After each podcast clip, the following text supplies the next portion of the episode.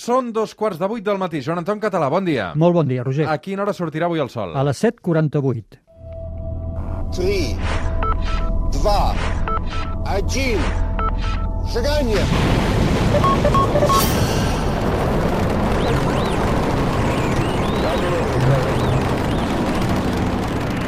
One small step for man,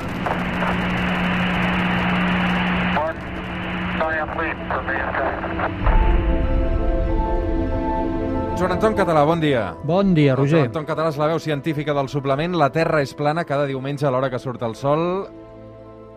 Astronomia, ciència, químic quàntic, també, També. i una mica de tot. Avui, eh, jornada electoral, i serem com a mínim fins les dues del migdia, tot i que això es pot allargar tal i com va el panorama. Falta eh, hora i mitja perquè obrin els col·legis electorals. Eh, ho veurem, evidentment, en directe al suplement. Però és que, a més a més, avui també és Sant Valentí, Joan Anton. Sant què? Perdona? Sant Valentí. Ah, sí? Avui és Sant Ja Valentí. veus, ja veus el que sé jo de Sant Ets de Sant Valentí. Jordi, ja ho veig. Totalment, totalment. Escolta'm, tenim tanta, tanta, tanta munió d'oients que ens escriuen també um, a aquesta hora, que hem fet una mica de recopilatori d'aquestes últimes setmanes, consultes um, vinculades, evidentment, al cel, i avui el que farem serà arrencar amb la Lluna.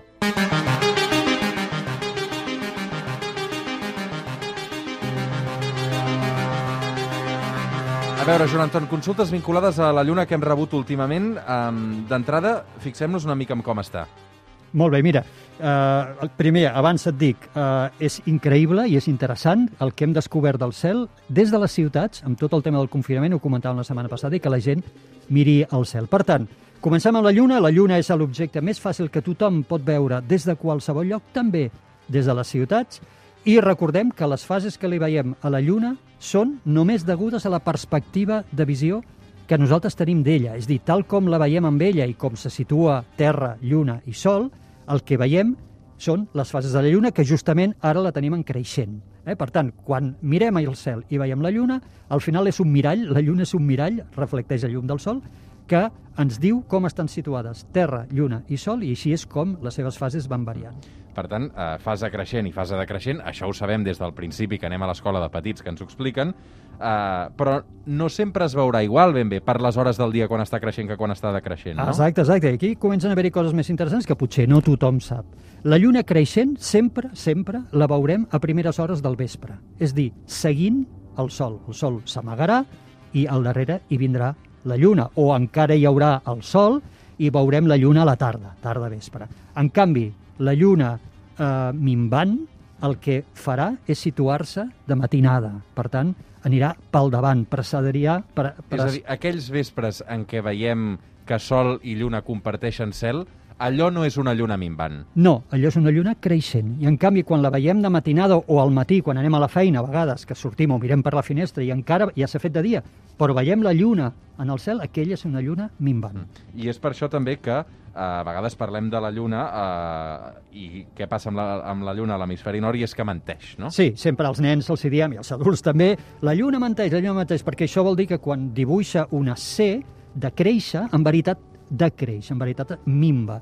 I quan la seva figura dibuixa una D, que semblaria dir que ens diu que decreix, en realitat creix. Però fixa-t'hi que l'hemisferi sud no menteix. Per tant, si tenim oients, que els tenim, que estan a l'hemisferi sud, allà la lluna diu la veritat. Allà, quan és una C, és que creix. Eh? Nos- a on menteix és a l'hemisferi nord. Té dia i té nit, la Lluna, això també ens ho han preguntat molt. Sí, té dia i té nit. I, de fet, també la gent a vegades no hi pensem. Quan veiem una fase a la Lluna, la part il·luminada que veiem allà és de dia. Els llunàtics, si estéssim allà, seria de dia, no? I la part que veiem fosca de la fase, allà és de nit. És tan simple com això. I, per tant, la part que separa llum de foscor en una fase, allà està sortint el sol. Si estiguéssim allà drets, estaríem veient una sortida de sol per l'horitzó. Per què a vegades diem que no hi ha Lluna? Eh, bueno, perquè la Lluna, a vegades, sempre hi ha Lluna. Clar, la Terra no perd la Lluna, perquè en aquest gir de perspectiva que fan eh, Terra, Lluna i Sol, de vegada en quan, eh, cada 29 dies aproximadament, la Lluna es converteix en Lluna nova. La Lluna sí que és en el cel, però se situa al costat del Sol de dia. Per tant, no la veiem per dues raons. Una, perquè estem enlluernats pel Sol. Dos, perquè la cara que té il·luminada la Lluna és la cara que no veiem, perquè com que està alineada amb el Sol, la sol, el Sol li il·lumina justament la cara que des de la Terra no veiem. Per tant, no veiem la Lluna i en això li diem Lluna nova, però sí que hi és. Sempre hi és la Lluna. La Lluna té mars? La Lluna, els antics, eh, diríem resposta, sí, però no són d'aigua. Als antics, aquestes taques, que també se li veu en qualsevol... Eh, estem acostumats a veure la cara de la Lluna en aquestes taques, en deien maries, en deien mars. Ells pensaven que eren mars d'aigua. Avui sabem que no són oceans, però que són eh, zones basàltiques, una mica més joves que la resta de la Lluna, que han tapat eh, molt, molt, grans quantitats, grans superfícies de la Lluna no hi ha cràters, o apenes n'hi ha, perquè són, diríem, dipòsits una mica més joves. I són més foscos. I això és el que apareix com aquestes taques de la Lluna que n'anomenem encara, per raons històriques, mars, però evidentment no són d'aigua. Som al suplement, som a Catalunya Ràdio, avui amb el Joan Anton Català, mirant cap al cel. Hem arrencat amb la Lluna, continuem amb els planetes. Perquè, a veure, des de la Terra, a ull nu, quants planetes són visibles? En principi són cinc, que són Mercuri, Venus, Mart, Júpiter i Saturn. Això a ull nu es poden veure sense gaires dificultats. Esperem I que Mercuri... sense la ciutat de Barcelona, eh, Bé, bé, sense bé. confinament. No, no, no, no, no. I des de la ciutat, des de la ciutat, tots ells, pràcticament. Mercuri és el que costa una mica més. Ara ho expliquem. Però tot, tot, tots ells es poden veure des de qualsevol lloc perquè brillen molt. Recordem que no és que tinguin llum pròpia, reflecteixen la llum solar. Hi ha qui diu que en nits extraordinàries, aquesta sí, al Pirineu, o a la Conca de Barberà, o a les Terres de l'Ebre, o on sigui, en una nit excepcional es pot veure com una estrella diminuta Urà si el saps distingir de les estrelles. És molt discutible, ja et dic jo. Urà estaria al llindar entre el que és capaç de veure a l'ull d'una persona jove perfectament dilatada... Tu no el veus. No, no, no, evidentment no. I dubto de que hi hagi gaire gent al món que pugui distingir A vegades a és simple més la vista. il·lusió de veure el que realment... Exacte. Per tant, necessites un telescopi per veure. Exacte, uns prismàtics. Molt bé. I a- on trobem aquests planetes visualment? Val, mira, comencem. Venus i Mercuri són planetes interiors. Si ens imaginem ara l'òrbita de la Terra, doncs veurem que Mercuri i Venus els tenim cap a dins, cap més a prop del Sol. Per tant, mai se separaran gaire visualment del Sol. Sempre aniran o pel davant del Sol o pel darrere del Sol, perquè des de la nostra perspectiva, des de la nostra òrbita, sempre els veurem al costat del Sol. Això fa que sempre els haguem de buscar a Mercuri i a Venus o al vespre, després de que el Sol s'amagui, o de matinada, abans que el cel surti. Mai trobarem Venus o Mercuri a mitjanit, al cel de mitjanit. Mai ho farem. I Mercuri, com que és el més interior dels dos, és el que menys se separa del Sol, el que més juntet del Sol va, i per això costa tant de veure Mercuri. De fet, hi ha grans astrònoms, es deia que Copèrnic, per exemple, no havia vist mai Mercuri en el cel, perquè l'has d'intentar buscar després de que s'amagui el Sol, però no massa tard, perquè ja s'haurà amagat ell, Mercuri, o abans que surti el Sol, però no massa tard, perquè ja s'haurà fet de dia, i amb un horitzó superpla, perquè el tindràs allà en l'horitzó, a Mercuri. Però Venus, en canvi, és tirat de veure, és facilíssim de veure, és l'objecte que més brilla en el nostre cel, després, òbviament, del Sol i de la Lluna, i aquest és molt fàcil de veure. Mart, és el que estem veient aquests dies, brilla en llum ataronjada, i cada dos anys, que és quan Terra i Mart se situen a distància mínima, i això va ser el 2020, doncs Mart passa a lluir una passada, és preciós amb el cel. Com et deia, això ens va passar a l'octubre del 2020. Eh, Júpiter brilla moltíssim habitualment, molt, perquè és molt gran i llavors també la seva atmosfera reflecteix molta llum del Sol cap a, cap a l'espai. No? I Saturn, el que veiem, el veiem una mica més pàl·lid. T'haig de dir, per cert, que Júpiter, fins i tot, tot això des de les ciutats, eh, estem parlant, eh, no hi ha cap mena de problema. Eh, si Júpiter, a més, l'enfoquem en uns prismàtics, podem veure els seus quatre principals satèl·lits, els quatre satèl·lits galileans com quatre puntets a cu- als cu- al costat de Júpiter. I si a vegades mires i amb uns prismàtics només en veus tres o dos, és perquè els que falten estan passant pel davant o pel darrere del planeta. Per tant, és un espectacle amb prismàtics. Com sabem si el que estem veient eh, realment és un planeta o és una estrella? Com ho distingim? Més enllà d'aquest ataronjat de, de Mhm. Mart o, o de Júpiter, si és a l'hora que toca? Val, hi ha varis, varis trucs. Uh, uh, alguns d'ells, els més habituals, són eh, el Sol, la Lluna i els planetes, tots ells viatgen, transcorren per una franja del cel que vista des de l'hemisferi nord va d'est a oest passant pel sud, és dir, està inclinada pel sud. Mai buscarem un planeta mirant al nord. Mai trobarem la Lluna o el Sol o un planeta mirant al nord. Estic parlant de l'hemisferi nord. Per tant, el primer és situar-se. Val, ja sé on està a l'est, on és a l'oest, al sud, doncs en aquesta franja que es diu eclíptica és on buscaré els planetes. I l'altre gran truc és notar que la llum dels planetes, a diferència de les estrelles, no fa pampallugues. És una llum intensíssima, que no s'apaga ni s'encén.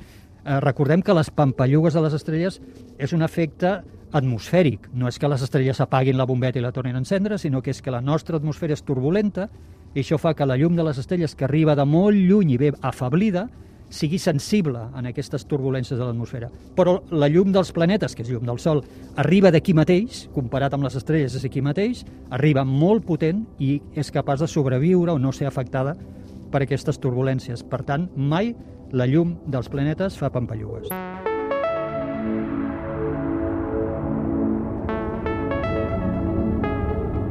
Avui amb el Joan Anton Català mirant cap al cel, hem començat per la Lluna, hem continuat pels planetes, ara ho fem amb les constel·lacions. D'on surten aquestes constel·lacions i si són reals o no són reals, perquè també inquieten bastant alguns dels oients que ens han traslladat eh, preguntes. Clar, reals ho són des del punt de vista de que les anomenem i les dibuixem al cel. Les van dibuixar els nostres avantpassats. Ells sí miraven al cel i pensaven que era l'oracle, on els déus els parlaven i els deien el que fer, no? i els predeien el, el futur, etc. I ells van omplir de figures mítiques, mitològiques, al cel. Això vol dir doncs, figures de reis, de princeses, d'animals, d'herois, sempre lligats a històries, que és la mitologia.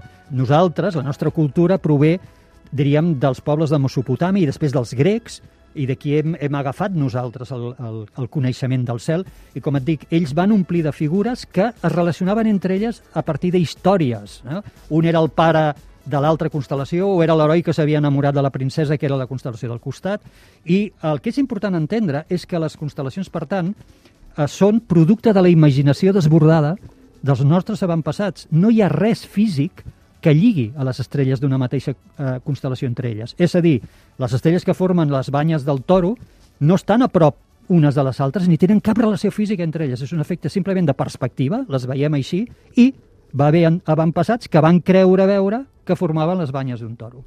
Escolta'm, eh, entenc que la utilitat i la funció de, de les constel·lacions eh, ens serveixen una mica per situar-nos, no?, quan mirem al cel. Totalment. I aquesta és la gran utilitat, perquè un podria pensar, ah, doncs si és l'efecte de la imaginació, per què encara els utilitzem? Perquè ens és molt útil. Com tu deies, ens permeten situar-nos, permeten orientar, permeten ordenar un cel que pot ser molt desordenat si no el coneixes, sobretot en una nit d'aquestes fosques eh, a, a, fora de les ciutats, que se t'omplen milers de llumetes, doncs el fet de que coneguis les constel·lacions et permet orientar. I et serveix com a referència. Pots dir, la nebulosa tal, la M42, que és una nebulosa molt coneguda, està a la constel·lació d'Orió. Ja la tens situada, ja saps en quin lloc del cel l'has d'anar a buscar. Mm -hmm. Totes aquestes constel·lacions sempre són visibles durant qualsevol època de l'any? No, i aquesta és una cosa molt curiosa que la gent tampoc hi reflexiona. A vegades diem, aquesta constel·lació, Orió, dèiem ara, és una constel·lació d'hivern, o aquesta altra, la Lira, és constel·lació de l'estiu. Per què? No, sembla que no té lògica, perquè si la Terra gira en 24 hores, un cop jo hagi girat a les 11 de la nit, que veig un cel de nit, el dia següent, a les 11 de la nit, hauré girat en 24 hores, tornaré a tenir el mateix cel. Hauria de veure exactament les mateixes constel·lacions que el dia abans i que fa dos mesos i que fa sis mesos. Com s'explica, doncs, que el cel giri, que el cel vagi canviant d'estacions de, i que hi hagi constel·lacions que es vegin només en determinades estacions. I això és perquè, en realitat, la Terra no gira en 24 hores, gira en 23 hores 56 minuts. I aquests 4 minuts que falten són els que a poc a poc van fent que el cel vagi girant i vagi canviant de més en més.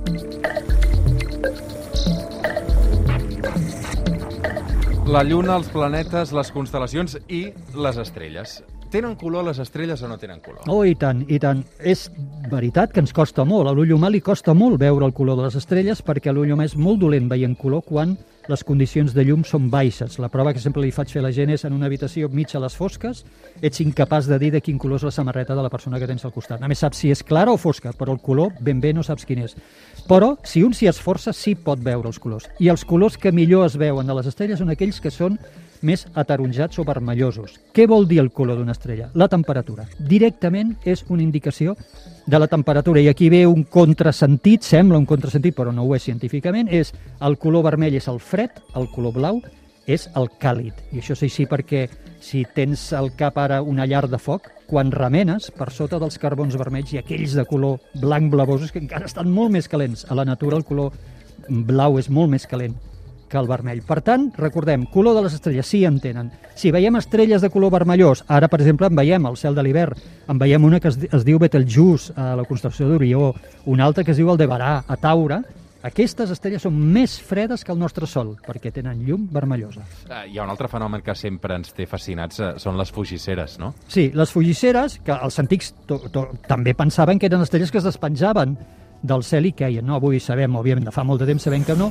Són petitíssims fragments. Quan dic petits són de mil·límetres o ni això alguns, que vaguen per l'espai, entren a l'atmosfera, es tornen incandescents, es cremen, deixen un flash de llum, tanquem els ulls i demanem un desig.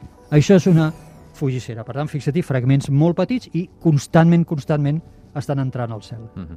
uh, N'hi ha tot l'any de fugisseres? Sí, de perquè fet- sí que sabem que les llàgrimes de Sant Llorenç cauen al juliol, no? Sí, Uh, o, o juliol, agost? a l'agost. A l'agost. Tota, qualsevol nit pots veure fugisseres. La qüestió són les pluges d'estrelles. Les pluges de fugisseres són moments de l'any en què això, que entri una fugissera, passa milers de vegades concentrat en poques hores. Això n'anomenem pluges d'estrelles i és quan la Terra creua el pas d'un cometa, a vegades d'un asteroide. Fixa-t'hi, creuem el pas d'un cometa i l'òrbita del cometa l'ha sembrat de petits fragments i durant aquelles nits n'entren a l'atmosfera. Per això sempre són les mateixes dates de l'any. Les eh, llàgrimes de Sant Llorenç, els perseids que s'anomenen, 11, 12, 13, 14 d'agost. Però durant tot l'any n'hi ha de pluges estrelles, menys conegudes, els gemínids al desembre, etc. I tots es produeixen a la mateixa època de l'any, perquè és quan la Terra creua el pas d'un cometa o d'un asteroide. Abans et preguntava pels planetes que podem veure a simple vista. Uh, quin és l'objecte més llunyà que podem veure sense instruments a la vista humana? Mira, te'n diré dos. Uh, un és clarament el més llunyà, molt, però te'n vull dir dos. El primer és la Via Làctea. És això que veiem, aquesta franja de llum blanquinosa que veiem els estius tardors des del poble en el cel. Això és el downtown de la nostra ciutat galàctica. És el downtown de la nostra galàxia. Estem mirant en direcció cap a plaça Catalunya, cap a l'Eixample, per entendre'ns, de la nostra galàxia, i el que veiem és la llum combinada de totes les estrelles del centre de la galàxia, però que estan tan lluny que no les veiem com estrelles, ho veiem lluir així en global. Doncs la llum que rebem de la Via Làctea a l'estiu o a la tardor va sortir d'allà quan l'home habitava les coves d'Altamira, fa 25.000 anys. I això és el que ens arriba avui. Per tant, la tira de lluny. Però encara hi ha un altre objecte, que aquest sí que és el més llunyà que podem veure a ull nut, aquest sí que te l'ha d'ensenyar algú en un làser, un, un aficionat que en sàpiga, un expert, te l'ha d'ensenyar en una nit molt fosca, que és una altra galàxia, una altra ciutat, la galàxia d'Andròmeda, com un petit puntet de llum. Això està a 2,5 milions d'anys llum. És a dir, la llum que està entrant avui pels teus ulls va sortir d'allà fa 2 milions i mig d'anys. I quina dimensió té? La galàxia d'Andròmeda és molt més gran que la nostra Via Làctea, és molt, molt, molt més gran. Però, clar, en el cel la veiem petitíssima perquè està a 2,5 milions d'anys llum. A simple vista la veiem com una estrelleta difusa, amb uns prismàtics comencem a veure-la com una taqueta ja, ja es veu com una taqueta, i ja en, uns, en un telescopi comença a mostrar-nos ja la seva estructura. És fascinant, eh? És brutal. Sobretot pensar això, a ull nu estàs veient un objecte que va emetre la seva llum fa dos milions i mig d'anys i t'arriba ara. eh? Com no podem mirar el cel? És dir, com podem deixar escapar tota aquesta llum que ens envia la natura dient mireu quines coses hi ha i simplement no mirem i la deixem passar, si és que hauríem d'estar mirant constantment? Escolta'm, uh, és que em queden alguns minuts, m'agradaria preguntar-te pel Sol també, perquè tenim moltes consultes referent al Sol. Uh, el Sol sí que el podem veure també a ull nu amb totes les prevencions uh, i mesures del món, però suposo que el Sol també ens serveix per orientar-nos, no? Sí, molt. Eh, De fet, no hauríem de mirar el sol, com deies ara, eh, excepte que anéssim protegits en instruments especials, però l'observació indirecta del sol, per exemple, per on surt i per on es pon, és molt interessant per situar-nos. El sol només surt i només es pon per l'est i per l'oest dos dies a l'any, els dies de l'equinoxi de primavera i de tardor. Només en aquells dos dies surt exactament per l'est i es pon exactament per l'oest. Uh, després es va desplaçant, cada cop surt més cap al sud, a l'hivern nostre de l'hemisferi nord és quan més cap al sud surt i s'amaga, i a l'estiu de l'hemisferi nord és quan més al nord eh, surt i s'amaga. Eh? Per tant, ara el Sol s'està movent del sud, ja, ja comença a pujar, a pujar des del sud, cada dia està sortint més cap a l'est, més cap a l'est, fins al març, el 21 de març, que sortirà exactament per a l'est. I llavors, per orientar-nos, si mai estàs perdut pel bosc, de dia, no portes brújula a l'hemisferi nord, mira, espera't cap al migdia, calcula més o menys si tens rellotge al migdia solar, però és igual, no t'equivocaràs de gaire si és el teu migdia, i mira on va l'ombra del sol en qualsevol objecte, i aquella ombra el que et senyalarà és el nord. Joan Anton, ens hem passat eh, tota la secció eh, parlant del cel. Deixa'm preguntar-te per acabar què hi passarà aquesta setmana en aquest cel, eh? Um, què hi podrem veure? Doncs la Lluna ja havíem comentat que està eh, creixent i la nit del 18 se situarà al costat visualment de l'ataronjat Mart, que ja comentàvem que es va afablint. Per tant, ocasió perfecta per fotografiar Lluna i Mart. I, parlant de Mart, queda molt poquet, Roger, quatre dies perquè arribi el Perseverance, eh, que és el robot de la NASA que ha enviat a Mart, un robot biòleg, doncs arriba el 18 de febrer, en quatre dies tothom estem aquí pendents d'aquest robot. Avui ens hem llevat ben d'hora, ben d'hora, que era negra nit. Anirem a dormir ben tard, ben tard, que tornarà a ser negra nit. Per tant, avui, jornada especial, jornada electoral, també el suplement que arrenca i viurà aquesta obertura dels col·legis a partir de les 9 del matí. Ho viurem tot en directe a l'antena de Catalunya Ràdio. Joan Anton Català, no t'ho perdis. No m'ho perdo. Ha estat eh, una sort també poder parlar una estona de ciència en aquesta jornada tan política que ens espera. Molta Encantat, sort. Roger. Gràcies igualment. Fem una pausa i ara tornem.